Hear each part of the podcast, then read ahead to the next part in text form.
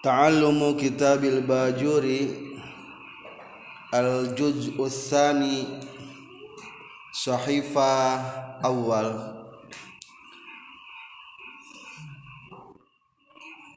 faslun ari ieu eta hiji fasal fi ahkamil iqrari dina pirang-pirang hukumna ikrar pengakuan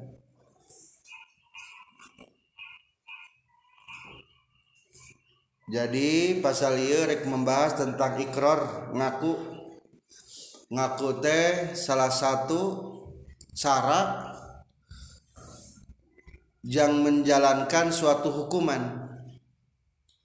Berarti ketika seseorang ngaku maka eta pengakuan eta dijadikan sebagai dasar hukum. Ngaku zina bisa dipotong tangan ngaku maling. Punten ngaku zina. Bisa dilakukan hukum ranjang. Ngaku maling. Bisa dilakukan hukum potong tangan. Ngaku boga hutang. Bisa dijadikan sumber dasar landasan pikeun menangna penagihan. Jadi ikrar penting ya ikrar dasarnya dalam firman Allah Subhanahu wa taala di baris keempat أأقررتم وأخذتم على ذلكم إصري قالوا أقررنا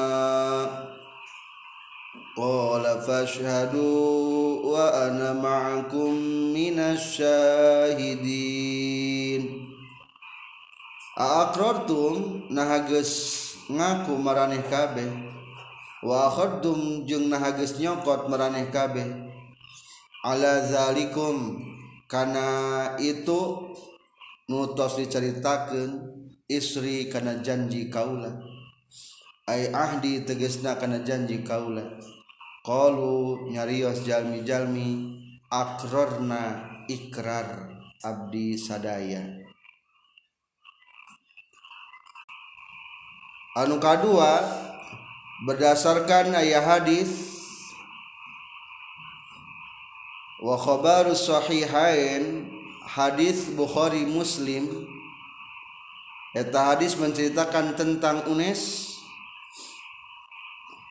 Ughdu ya Unes Hei Unes kudu indit isuk-isuk anjen ila imratin haza ka awewe anu tepungan awe si anu. Bejana si aweta teh geus ngalakukeun zina fa ini atarafat maka lamun mah ngaku ieu imroah farjumha maka ran, kudu ngaranjam anjeun ha ka ieu imroah. Fa zahaba terus berangkat unes ilaiha ka itu imroah. Fa atarafat tuluy ngaku ieu imroah Harojama teras ngaranjam unesha ka imro'ah Eta. Jadi pengakuan bisa dijadikan sebagai dasar untuk sebuah hukuman. Mata kurang kudu penting apal tata cara ngaku.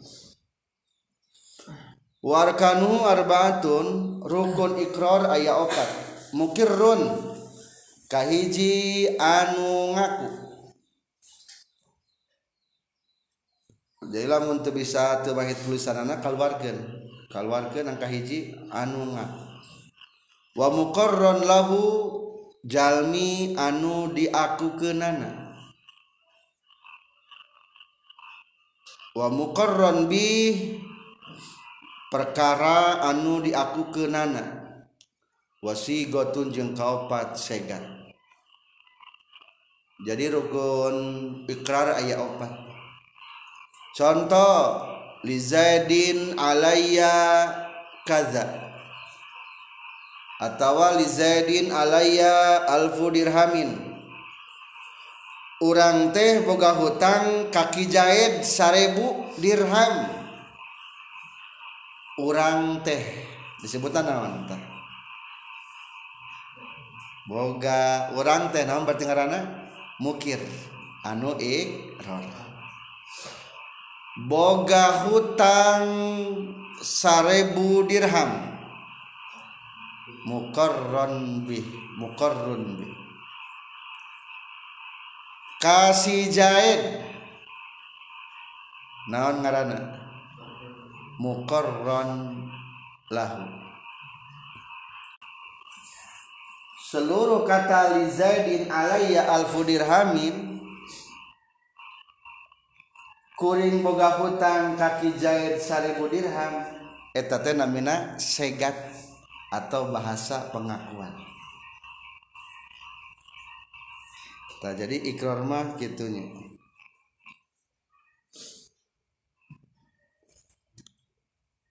Bagaimana definisi tentang ikror?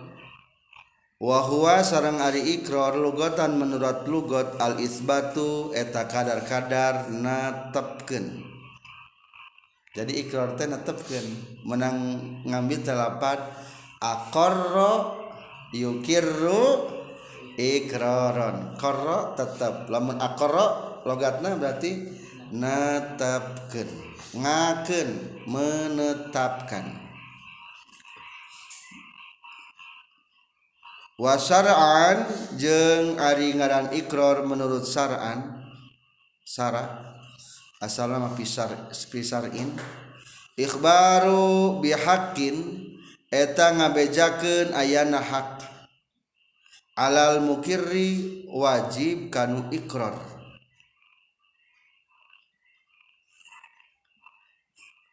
Jadi ari ngaku nah dari ngaran ngaku.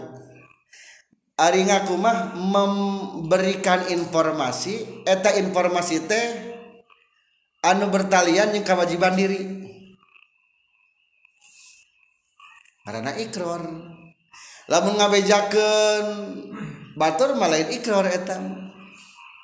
Si jahid ngaku bahwa si jahid boga hutang eta malain eta mah ngadongengkeun ikrar berarti eta mah.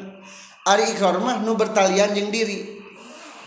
Abdi boga hutang kaki jahit tanawan ngarana ikrar jadi ari ikrar mah pernyataan diri. Saha nu kudu mayar hutang? Abdi. Jadi balikan deui ari ikrar mah non bahasana teh? Ikhbarun bihaqqin. Artina menginformasikan ayana hak kasah berarti hakna. Kabatur alal mukiri wajib kasaha nu ngalaksanakeunana? Alal mukiri kajalma anu ikrarna berarti jalma anu ikror teh berkewajiban. Ari kieu ikror lain? Si Ilham euy boga hutang ka urang. Lain. Ari ikror mah kewajiban diri kabatur abdi euy boga hutang. hmm, eta ikrar jadi balik gandain anu ikrar mah ikhbarun bihakin artinya menginformasikan ayana hak kasaha hakna? Kabatur. Sahan wajib melaksanakan eta hakna? Alal mukiri kajal manu ikrar. Berarti lamun urang nu ngomongna si eta nu ngomongna. Kan ngomongna berarti ikrar mah. Ikrar wakaf. sahanu ngawakif kerana batur tak pribadi? Pribadi. Pribadi anu nulis dina eta kata-kata ikrar. Berarti rek mere wakaf. Wakafnya ari ikrar mah fa fakharajat mangka kaluar naon as-syahadatu persaksian. Liannaha karena saytuna syahada ikhbarun bihaqqin eta ngabejakeun kana hak. lil lilgueri milik Batur alal gueri madarat ka Batur. Kade sing bisa ngabedakeun mana ikrar mana saksi? Ari ikrar mah ngabejakeun hak teh kewajiban kasaha kasorangan anu eta kewajiban teh dilaksanakeun ka batur. Ari nyaksian mah ngabejakan karena hak manfaat najang saha jang batur. Madarat nage jang saha jang batur. Contoh iya naon ngaranna hak atau saksi? Yo abdi nyaksian. Terus katingal ini nyaksian. Ilham boga hutang sajuta kamu. Cing pernyataan abdi boga hutang sajuta. sahanu kudu mayar. Hmm. Batur nyata ilham. Lain orang kasaha mayar hutangna? Kamu kabatur kene. Urangna untung teu. Hmm. Urangna mah teu untung. Terugi ari ikrar mah rugi ka sorangan nguntungkeun kabatur rugi sorangan. Abdi rumaos dosa. Eh, sanu rugi berarti. Abdi Abdi rumaos dosa. Pernah maling di bumi salira. Tuh sahanu rugina sorangan. Nguntungkan batur. Dalam artian orang ke kudu ayah permintaan tina hukum kudu mulang ke naon di paling kurang kita batur. Tuh. Bedanya antara ikrar sarang sahadah eta definisi ikrar simpelnya. Ikrar mah definisina. Ikrarun ikhbarun bihaqqin alal mukirri. Menginformasikan suatu hak milik orang lain anu kawajiban kadiri jang ngalaksanakeunana aturan pertama tentang muqarrun bih perkara nu diikrarkeunana wal muqarru bihi sarang ari anu diikrarkeunana nu diakukeunana. Lamun di logatan hiji-hiji mah wal muqarru jeung ari nu diakukeunana non bihi ieu al darbani eta dua rupa. Ahaduhuma ari salasanya dormani haqullahi ta'ala eta hak Allah ta'ala. Kasir koti seperti ken maling wazina jeng zina. Wasani jeng ari anu kaduana hakul adami eta hak bangsa anak Adam. Kahadil qazafi seperti hukuman nuding zina li syakhsin ka anak ka jalma. Aina bari ngajelaskeun tentang mukorbih anu diikrarkeunana atanapi objek ikrar. Aya sabaraha macam objek ikrar. Aya dua. Hiji aya ikrar pernyataan atau pengakuan anu berkaitan jeung hak Allah. maling hak saha hak Allah. Zina dosana kasaha jana dosana ka Allah. Ngaku tuh salat kasahan ngarugikeun anak lain ngarugikeun atuh hak Allah eta mah. Kedua ayat ikrar teh pengakuan teh hak adami. Contoh ngaku nuding kozab kozab teh nuding Cina. Me hadis ifkit ya bikin hoak. Eusina hoak teh bahwa si anu tas jina kana hukuman itu kozab namina teh. Eta hak naon namina? Hak adami ngaku boga hutang hak naon? Hak adami lamun ngaku mabok hak Allah hak adami hak Allah. Eh, Kuma perbedaan anak segi hukumna? Fahakullahi ta'ala mangkari hak Allah ta'ala yasihu eta sahnon arruju'u bedo. Maksud bedo teh balik deui. Bihi dina hak Allah. Anil ikrari tina ikrar bihi kana hakullah. Aturanana secara hukum hiji lamun pengakuan karena bertalian jeung hak Allah diperbolehkan tetulus ngaku. Menang tenawan menang tertulus ngaku. Disebut teh rujuk. Rujuk teh balik deui tina pengakuanan. Ngabolaikan pengakuan menang kumaha ngakuna? Contoh-contoh kaayakula seperti kini ngomong sahaman jalma akoro anu ngaku ieu eman bizina kana jina. Aya jalma kamari ngaku jina ka hakim. Geus kitu cek eta jalma raja'tu an hadzal iqrari raja'tu balik deui kuring. Maksud nama ngabedokeun kuring? atau ngabolaikeun kuring an hazal ikrori tina ieu ikror. Bit ketang abdi mata jina. Ayam bit sagalanya. Bit abdi mata jina. Kumaha tarima ulah pengakuan kitu? Bit.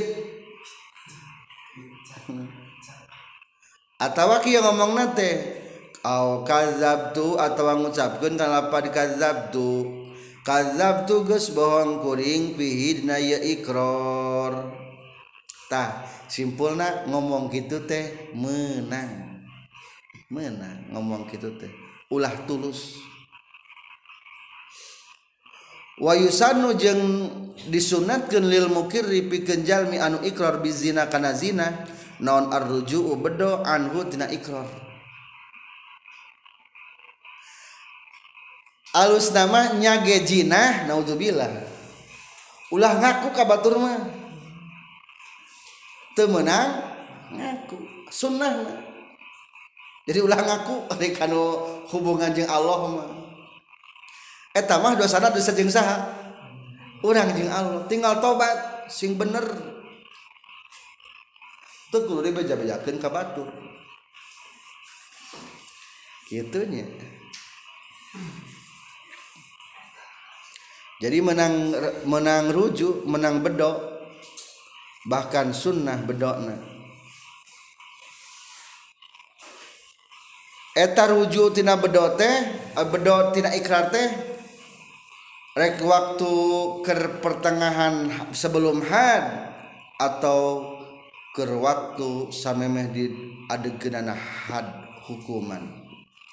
Tingali palebah fahakullahi ta'ala di tengah ayat atau lamun seseorang geus ngaku rujuk ngabolaikan pernyataan anak ae fayuqbalur ruju'u fihi. Maka diterima bae ar-ruju'u bedo fihi dina hak Allah.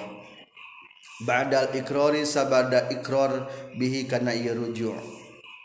Sawaun sarwa bae raja'a qoblal haddi rujuk jalma sebelumna dihukum fi asnaihi atawa dina pertengahan dihukum. Lamun geus bedo kita ngabdi mah henteu teu maling berarti gugur tak pernyataan had. Kaja bala mun saksi engke berarti caritana eta ieu mah lamun eueuh saksi bari teu ngaku lolos cenah hukum.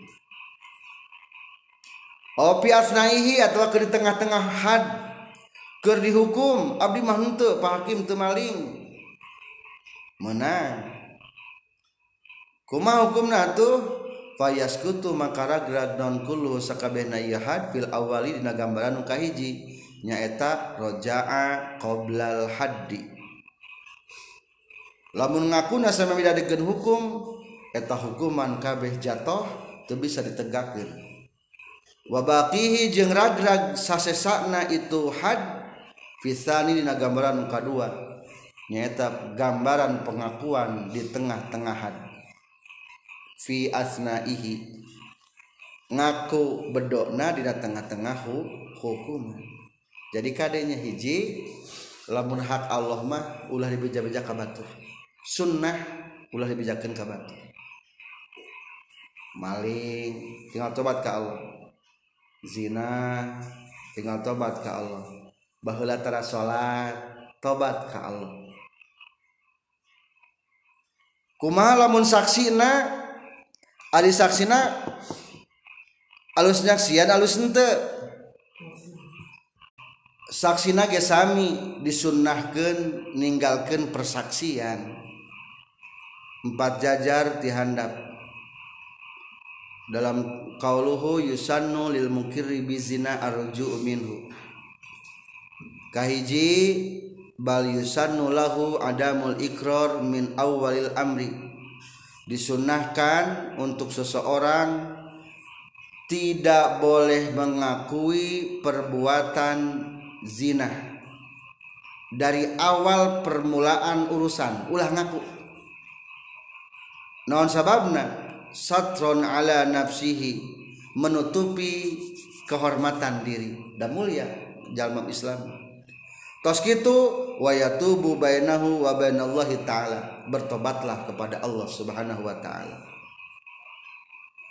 Berdasarkan firman dakwaan Rasulullah man ata min hadhil qazurati syai'an.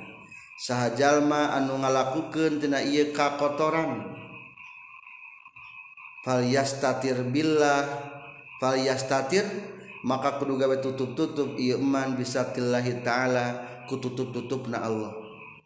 Namun orang melakukan kagorengan nubi naudzubillah hak Allah buru-buru nyumput dina panyumputan Allah.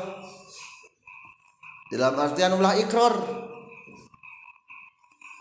kumaha lamun ikrar fa innahu man abdalana safhatahu aqamna alaihil hadda sayauna kalakuan jeung tingkah sahajal manu nembongken ka urang sadaya karena tulisan maksudna maksud tulisan kagorengana ieu jalma akomna Alaihil Hadda makarek ngadegen urang sadaya ka ieu jalma kana hukuman lamun dioklarkeun mah kudu tegakkeun hukum ngan lamun teu ikrar mah hukuman hubungan Allah jeung pribadina. Kadua Yusan nulis syahidi tarkus syahadah. Para saksi sebaiknya ulah nyaksian anu memberatkan kaeta jalma. Ulah kieu. Pak Hakim abdi nyaksian si ieu zina. Dina penting anu jeung si anu katingali pisan. Teu. Ulah. Nah sababna berdasarkan dawuhan Rasulullah masih innallaha satirun Ari Allah mah anu nutupan. Orang nutupan ku Allah tak apal keaiban orang sadaya di dia tak apal karena kegorengan abdi. Tutupan ku Allah. Innallaha satirun. Yuhibbu min ibadihi satirin. Mika cinta kalau ti hamba-hamba Allah.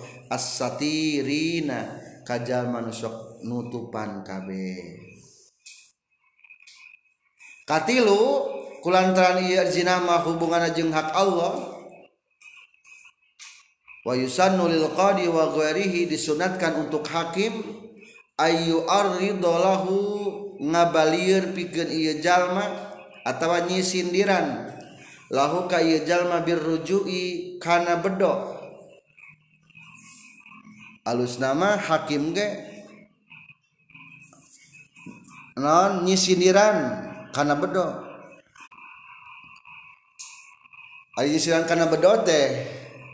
Jadi ulah tuh ulah otomatis nyanya maneh gitu ulah. Contoh kapukur ayah sahabat di zaman Rasulullah namina ma'is li'annahu arada lima izin.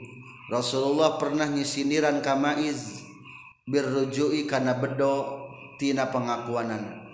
Eta ma'iz ikrar ka rasul rasul abdi teh cilaka ngalakukeun jinah. kumaha jawaban Rasul? Kamaiz la'allaka qabilta. Buah-buah tejinah mana teh meureun? Ngan syukur nyium. Tuh disindiran Rasul abdi mah jinah. Cek Rasul kumaha kedua kalina? La'allaka lasta. Buah mana mante tuh. Jadi Rasul tuh langsung tuh otomatis. Katilu Rasul abdi mah jinah. la'allaka fakhadta abaka jununun. Jadi ulah langsung diterima pengakuan-pengakuan jalma anuji jina non sababna supaya eta jalma bedo tina pengakuanan. Tapi hari nitah baulah ya hari dina jina mah alus kena ulah ngaku ulah ngaku we nya ulah hari gitu menita bohong berarti ya mah. Ngan iya hakim ngomong gitu bahasa buat tuh jina buat nyium mungkul buat tuh tulus buat lain karena eta bating mah karena pager. Jadi gitu di sisi sindiran ulah langsung kalimat langsung. Bating mah di balai kambang dihadapnya loba anjingan ini kampung mah. Sugan teh asup lama aku anjing. Dihadap bating mah gitu tadi sindiran itu langsung otomatis diterima. Gitunya. Wa yusanu jeung sunnah lil mukiri pikeun jalma nu ngaku bizina kana zina naon aruju bedo atau balik deui ngabolaikeun anu tina ikrarna jadi ari hak Allah mah boleh ngabolaikeun kadua kumaha lamun hak adaminya. Wa haqqul adami jeung ari hak bangsa Adam. La yasihu eta teusah naon arruju'u bedo fihi dina hak Adam. Anil ikrori tina pengakuan bihi kana hak Adam. Ari hak Adam mah teu bisa bebas.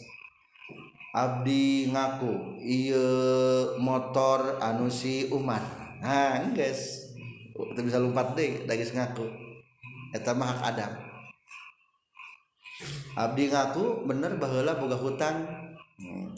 kasih bakar sajuta entos. Bisa lepas deh. Da eta mah ikrar kanak ada no sabab dibedakeun hukum nanya wa farqu baina hadza jeung ari perbedaan antara ieu hakul adami wallazi jeung antara anu qablahu samemehna ieu hakul adami. Dalam kurung hakullah. Bi anna haqullahi ta'ala karena saestuna hak Allah ta'ala mah mabniun eta nu diadegeun alal musamahati kana mumurahan. Allah mah bageur sakumaha dosa na orang gede keneh pangampura Allah gede keneh dosa orang pangampura Allah. Mata kulah putus asa. Bisa orang boga dosa buru-buru minta ke Allah. Allah mah bager. Asal tinggal daekna minta ke Allah.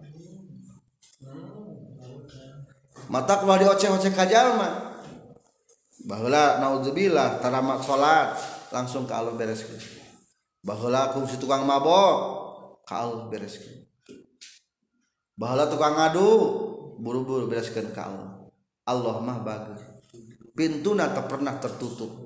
Pangampurana lebih gede tibatan dosa orang karnun karuniana lebih gede tibatan ikhtiar orang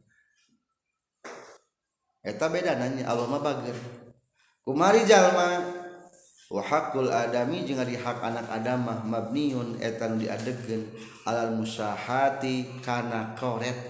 Ari anak adam mah ko koret anak adam. Boga hutang satu ribu kita tagih wae. Boro-boro hutang satu ribu pemulangan 500 we di atau tukang dagang kadang-kadang 500 perak ya ditagih tukang dagang. 500 perak padahal.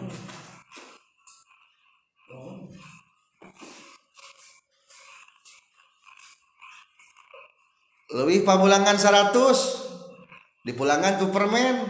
Kukulutus tukang warung seneng ya pulangan ke permen tuh butuh permen. Tuh eta aja. Ya padahal mah anu penting mah halal we ari keur eueuh mah kadang-kadang diikhlaskeun kadang-kadang henteu.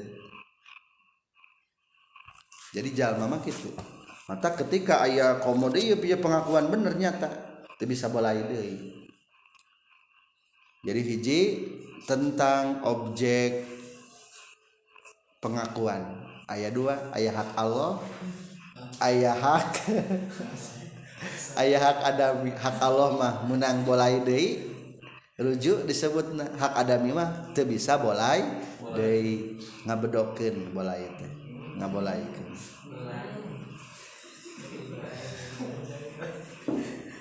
saterasna syaratna jalma nu ikor kumaha? wataftakiru jeung narima butuh non sihatul ikrori sahna ikror ila salasati syaraito kana tilu pirang-pirang syarat. Ahaduha di salah sayidina salah satu syara'id al bulughu eta baligh.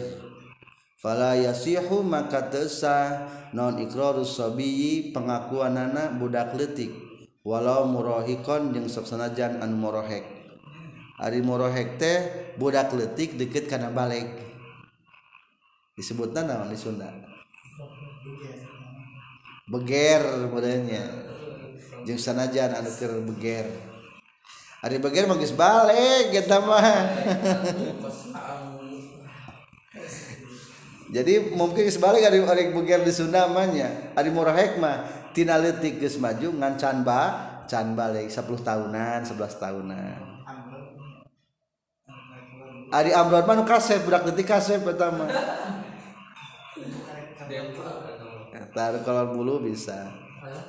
Amrod eta. Jadi Amrod mah budak letik tapi wajahnya kecewe-cewean ya. Jadi rada merangsang kula laki teh naudzubillah. Lamun di Jawa Timur mah di Lerboyo disebut nate Meril sana. Meril teh maratul lail. Aww di tengah malam. Jadi kan lamun disebutkan Meril di Jawa Timur sih ngerti.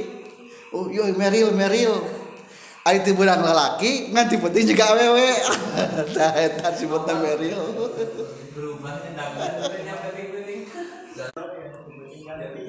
jadi hiji kudu balik pengakuan mah orang-orang balik budak detik mah bisa tuh bisa menandatangani ikrar surat ikrar. Budak detik dan tangan itu bisa jadi bisa udah ngelikin surat ikrar hiji pastikan nuna tanganna kudu balik. Wasani jeung anu kaduana al aklu eta berakal. Fala yasihu maka tesah non ikrarul majnuni pengakuan ti jalma nu gelo.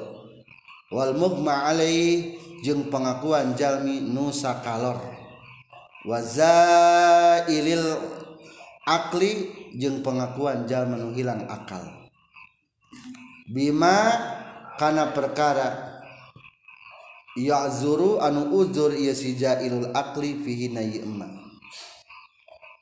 fa ilam yu'zar maka lamun teu diuzuran ieu si jailul akli fa hukmuhu maka di hukumna jailul akli kasakron eta saperti keun Ari hilang akal teh ya dua. Ayah hilang akal sengaja ayah hilang akal tersengaja. Ari nu mabok mabok uh, mabokna hilang akalna disengaja atau henteu? Kalau mau mabok itu mah ikarna diterima.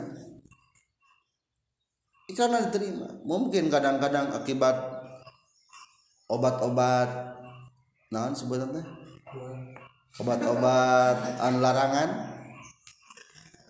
di narkoba. Tilu hari umpama telingit-telingit otakna. Langsung diadili ku hakim. Tiba-tiba loba pengakuan. Pengakuan itu jadi sumber hukuman. Dasar hukuman. Diterima eta jadi. Soalnya teman hilang akalnya disengaja. Kugel bahkan biasanya polisi sok ayah gitu sebagian anak dihaja lamun awewe gitu tanya diberi obat seetik awe ngabrudul. Ngomongkan neng sahanu pernah ngagolan ke neng. Lamun kesehatan mungkin teh ngomongnya diberi obat seetik ngobrol dipapai ke polisi teh si anu cepluk benang si anu benang si anu benang. Eh tadi bere.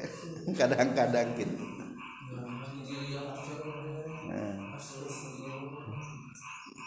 jadi ngaburudulnya kerma bokman ayat itu dijadikan sumber hukum. Wasali sujeng ari anu katiluna al ikhtiaru eta pilih-pilih. Maksud pilih-pilih teh ngomongna pengakuanna kahayang pribadi. Fala yasihu mangka non ikrar mukrohin pengakuan tinu dipaksa. Bima kana perkara ukriha nu dipaksa mukroh alihi kana itulah tilu syarat mukir. Syarat jalman ikrar hiji kudu balik. Dua akal tilu tidak ada paksaan pilihan pribadi pengakuan anak ikhtiar pilihan pribadi. Kehendak pribadi tidak ada unsur paksaan.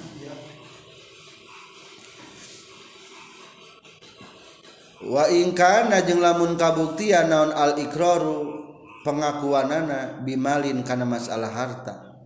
Or to biro tah direken. Fihina ieu fihina ieu ikrar naon syartun rabiun syarat anu kaopatna.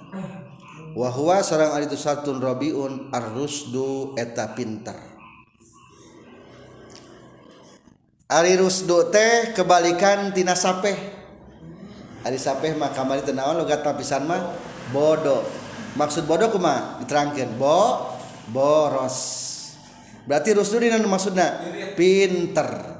Maksud pinter di dia cirian kata gatengahna mampu ngalokasikan harta sesuai kebutuhan. Tanah di kamari menu boros mah teu apal cara ngaluarkeun harta. Ari rusdu mah naon maksudna? Mampu mengalokasikan harta sesuai kebutuhan. Juga budak letik jajana sarebu mereka sabaraha? Sarebu geus pinter berarti. Ieu mah jajana sarebu duitnya sabaraha wae. Lima ribu wae sabar lima ribu wae terus. Candus du berarti itu can pintar jadi maksud pintar di dia mah lain pintar matematika pintar nah, lain. Maksudnya kumaha senage mampu mengalokasikan harta sesuai kebutuhan. Sesuai kebutuhan geus mampu rusdu tah jadi kaupatna ayat tambahan syarat lamun pengakuanna berkaitan yang harta maka disyaratkan atau zaman mengakuna kudu aya istilah unsur rusdu pinter. Lain sapeh berarti kebalikan dina rusdu mah.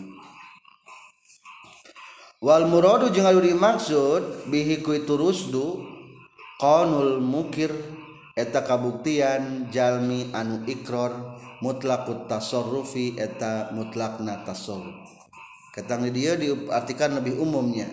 Maksud rusdu teh nyaeta mutlak tasarruf kamar terangkan sabar saat mutlak tasarup opat hiji berakal. Kedua balik. Tilu lain mahjur aleh. Hartana te ditahan tegesna lain. Sapeh jeng lain muplis. Anu kaopat lain mukroh. Berarti ya bahasa mutlaku tasaruf mah nafsirkeun tinu kabehnya. Tina nomor hiji akal nomor dua balik nomor tilu ikhtiar. Ngaranna mutlaku tasarruf teh ya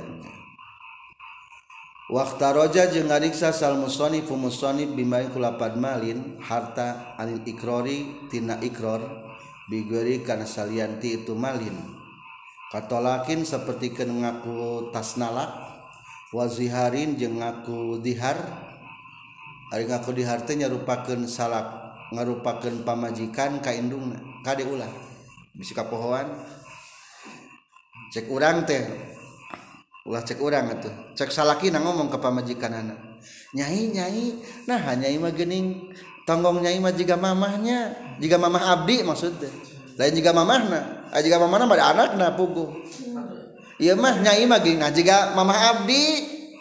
Tah hukumna wayahna jadi haram. Jika ari mamah sorangan menang tumpakan temenang. Tah nu kitu karena zihar. Lamun geus didahar kitu wayahna kudu maya kifarat ngamerdekakeun abid. Lamun taya puasa dua bulan tuluy tuluy berat. Katilu kakara tahap katilu ke mereka daharan ka fakir miskin. Engke aya bab zihar ta ari ari tolak mah berarti kan tadi ari tolak berkaitan dengan harta tuh hmm, tuh berarti syaratnya sabaraha? Tilu atuh. Naon tilu teh? Balik berakal ikhtiar. Teu disyaratkeun kudu tinu sapeh. Tinu rusdu maksud teh. Waziha jeung diharwanah wihima. Fala yustarotu maka disyaratkan film kiri di zaman ikror bizalika karena itu goerihi non arrusdu pinter.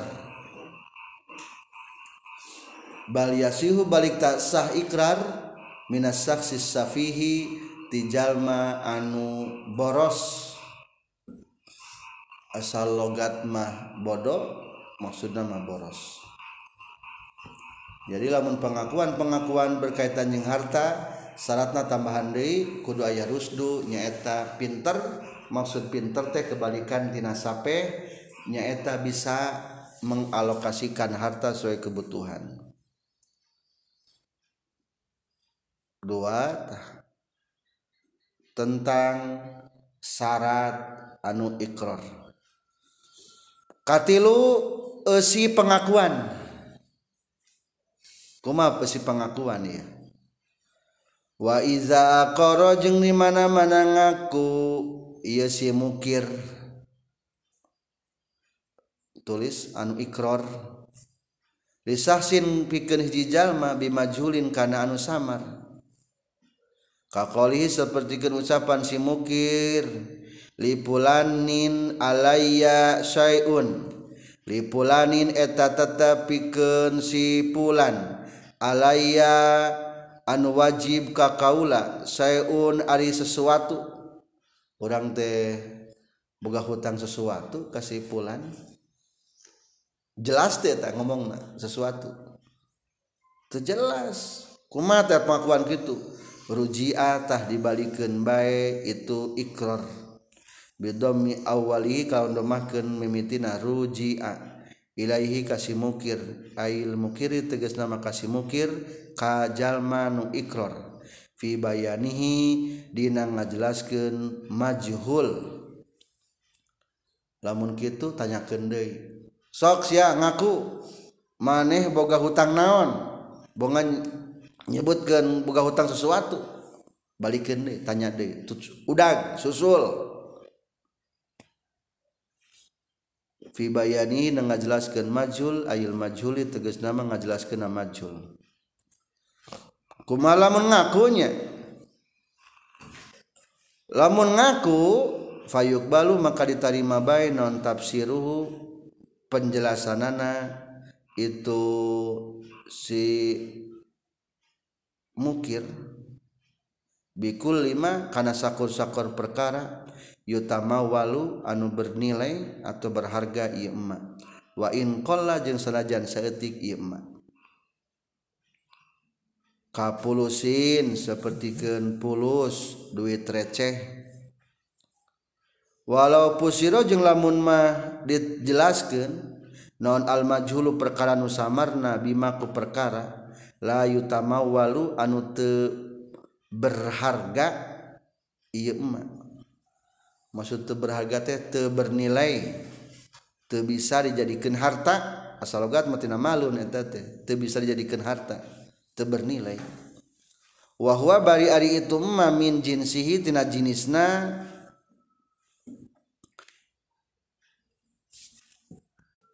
Min jinsihi tina jinisna ma yutamawal di luhur aya bikul lima yutamawal yutamawal kahibatihin totin seperti sasiki gandum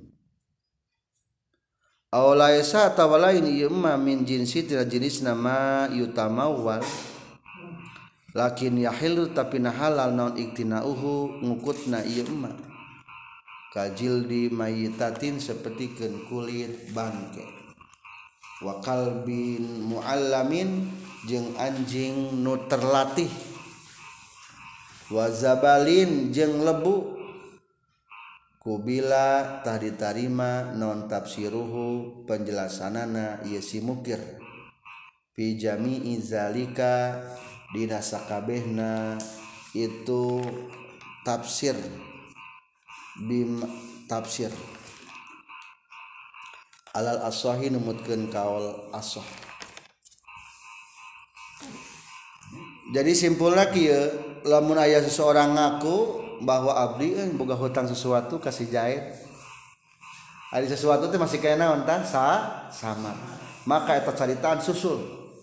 Udang telusuri lamun geus telusuri kumaha? Terima ulah pengakuan anak menang diterima dengan syarat tilu catatan. Hiji fayuqbalu tafsiruhu bikul lima yutamawal lamun ngajelas kenanang pengakuan nana bernilai terima. Sana sanajan saetik nya orang teh boga hutang kasih jahit 20 ribu. Cing 20 ribu berharga teh ber, aya nilaian teh. Aya baru Tuhan orang 20 ribu. Tapi bernilainya saetiknya etiknya tarima eta. Kadua walau pusirul majhulu bima la yutamawwal wa huwa min jinsihi. Ngaku nate teu bernilai tapi sebagian barang anu bisa bernilai. Ari beas lamun sakarung bernilai mal sakilo bernilai mal lamun boga hutang beas hiji bernilai teu ente berarti ari beas mah barang anu bisa komoditas bernilai komoditas bernilai ngan ari hiji mah jadi mual naon? Mual bernilai angger eta ge tarima kene eta. Nya urang muga hutang ka si Jair 10 siki beas. Angger tarima eta ge. Kahabatihin totin di dieu mah. Tarima sasiki gandum. Tarima. Katilu atawa lain bernilai ngan menang diingu. Contoh nu bernilai menang diingu. Contohna jildi maetatin kulit bangke. Ari bangke hukumna suci najis asal kata. Najis. Iya mah kulit nage sami najis. Berarti tebernilai dan najis. Tebenang dijual. Kajabala mungkin sama pada cerita ngan menang teh hukumna urang boga kulit bangke. Menang. Da bisa di sama tarima eta ge. Lain harta tapi lain harta tapi benang di, menang dikukut tarima. Atau ngaku nate ngaku kalbin mualam. Ari anjing harta lain. Lain anjing medan najis. Temenang jual belikan anjing mah. Suku mah anjing herder anjing naon ah najis. Oh nilai cek agama mah nya mungkin cek polisi mah cek kurangnya bernilai. Ngan hadapan agama teh aya nilai yang tah menang tengingu anjing anu terlatih. Menang para gimoro berarti lah mengaku na bernilai atau dianggap hartaku agama tapi ada menang diingu mah tetap tarima baik pengakuan anak atau ngaku boga hutang zabalin lebu lain lebu teh harta lain. Ah naon lebu teu bernilai paling ngejang gegero lebu batako. Tarima eta ge. Jadi simpul nama ketika seseorang mengakui anu masih kena samar terima, terima dengan catatan hiji ngakuna karena barang anu bernilai sanajan seetik dua eh harta bernilai hartana te bernilai ngan sebagian harta bernilai. Seperti kengakukan buka hutang sa siki behas. Behas nama bernilai. Ngan hari hiji jadi teber tebernilai. Katilu tebernilai atau teberharga tidak anggap harta tapi menang diingunan nyata seperti anjing. Tarima baik itu sami kumaha lamun bungakunya wa mata koro jeung samang-samangsa ikrar si mukir bimajulin kana nu samar. Wam tanah jeung narima nyenggah mukir min bayanihi tina ngajelaskeunana. Itu si mukir bada antuliba sabadayan dipenta. Itu si mukir bihi kana ieu bayan. hubisa tadi bui bae iya si mukir. Tuh jadi sanksinya lamun ayah jalma ngaku kanu samar abdi boga hutang suatu kasih teh. Arab mau ngajelaskan diajukan ke hakim menang eta mungkin dibui da banget ngaku wae menang dibui heula. Ayo bui main hukuman takjir etamanya ngadaguan supaya buru-buru ngomong aja menang dibui. Nepi ka irah dibuina. Hatta yubayina sehingga ngajelaskeun si mukir al majhula kana barang musamar sampai menjelaskan pembicaraan anak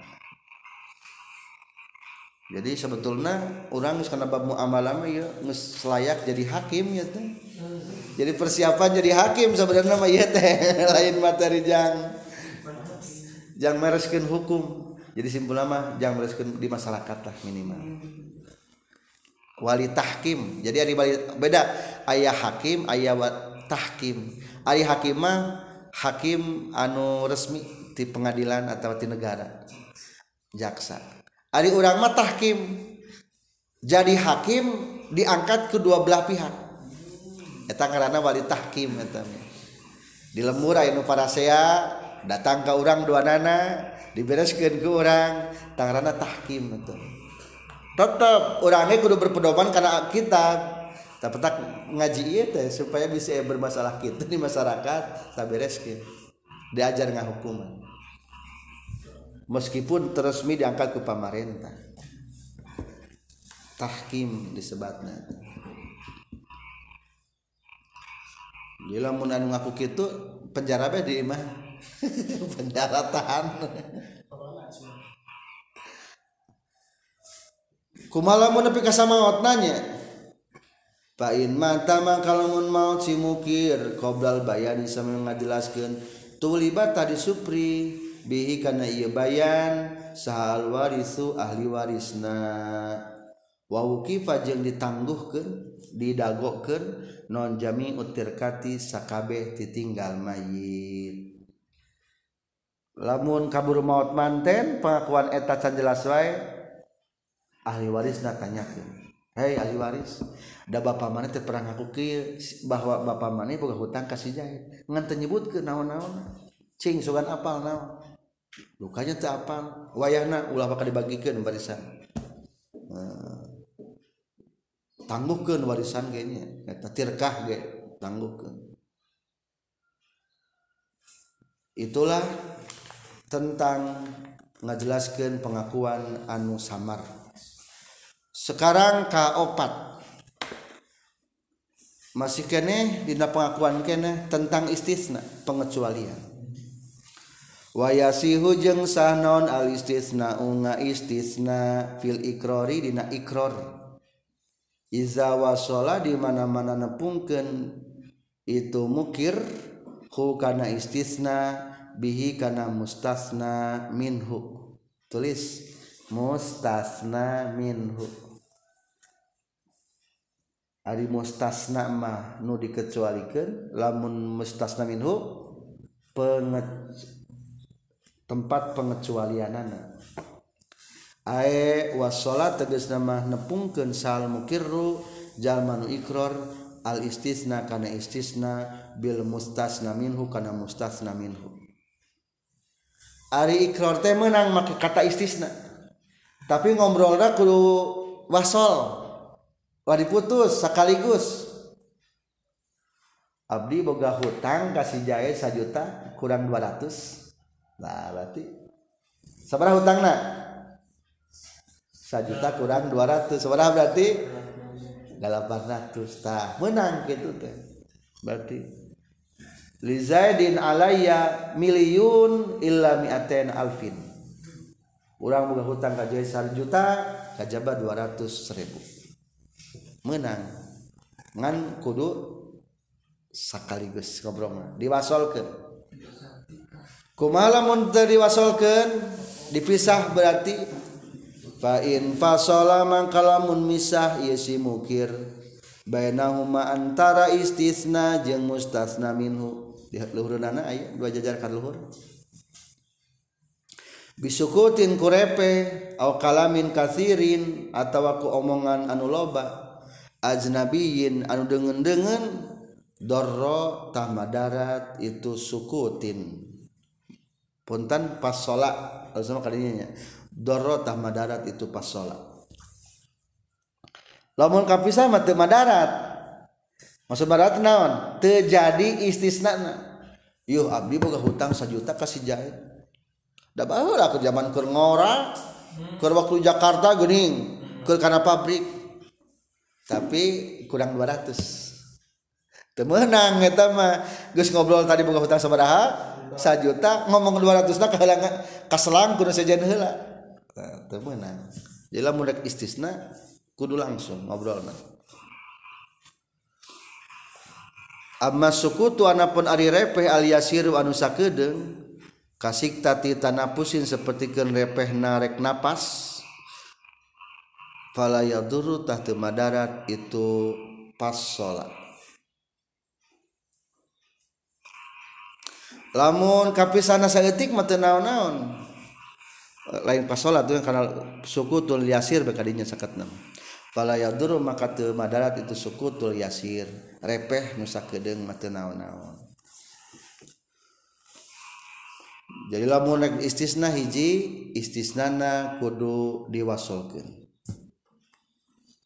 Anu kadua Wayustarotu jeung disyaratkan Adon fil istisna dina istisna dina ngecualikeun. Non Allah yastagriko yen temeyakeun ieu istisna al mustasna minhu kana mustasna minhu. Tempat pengecualianana. Fa ini stagroko maka lamun meyakeun ieu istisna hu kana mustasna minhu nahwu li zaidin alayya asyarah Ari contohnya seperti lapad li Zaidin alayya asyarah. Li Zaidin tetap kaki bikin kijaid alai alayya wajib ka kuring asyaratun 10. Urang boga hutang ka ki 10. Ila asyaratan kajaba 10. Dorro tamadarat itu istagroko. Kedua syarat nate istisnana ulah matak beak abdi buah hutang ke si jahid sajuta. Kurang sajuta. Menang tuh gitu. Temenang Ari bahasa orang mah kurang sajutanya. Ari bahasa Arab mah abdi boga hutang kasih jahit sajuta kajaba sajuta. Nah, benar itulah tentang istisna dina ikrar. Jadi boleh simpulna Wahwa sarang Ari Iqror ail Iqroru tegesna Ari Iqror fisihali sihatina waktu kersehat Wal marodi jeung waktu Gering sawwaun eta akur baik bedanya Ari kamari mangawakilkan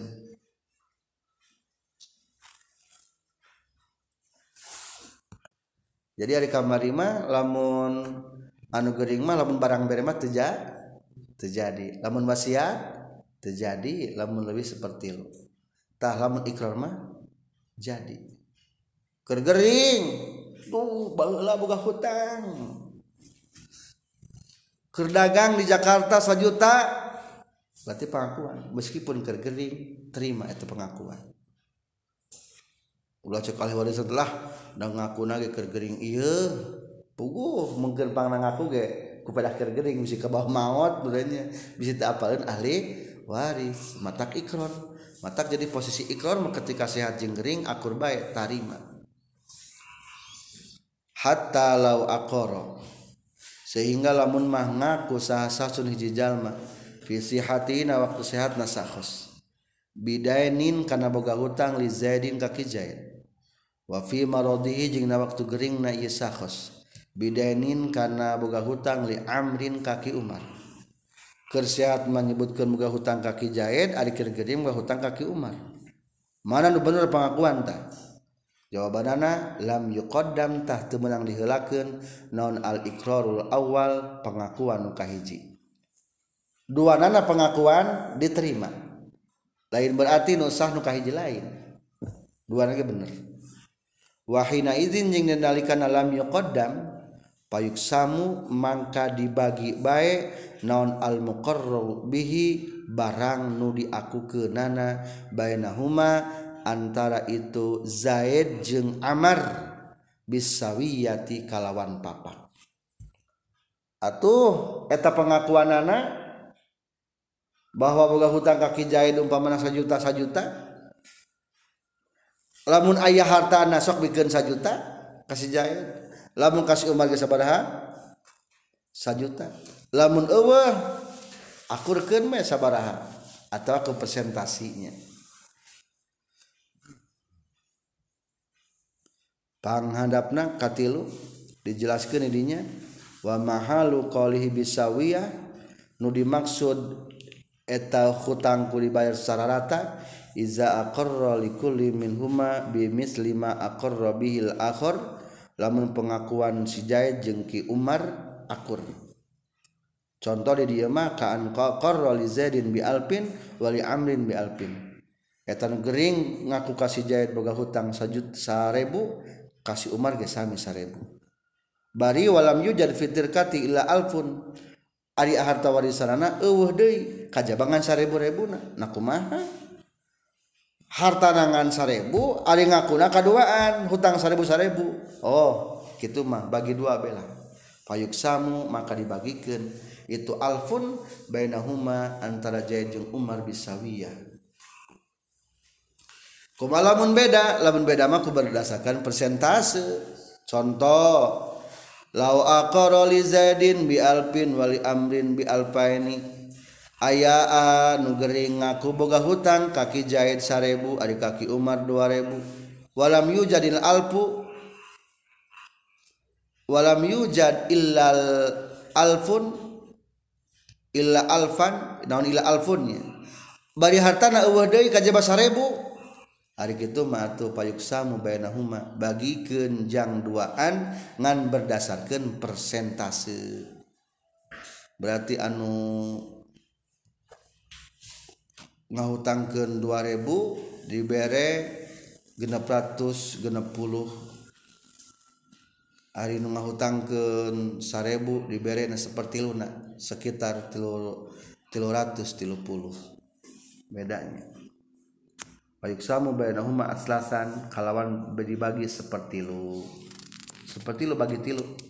Nu 2000 dibere dua bagian anu 1000 dibere sebagian itulah tentang ikrar.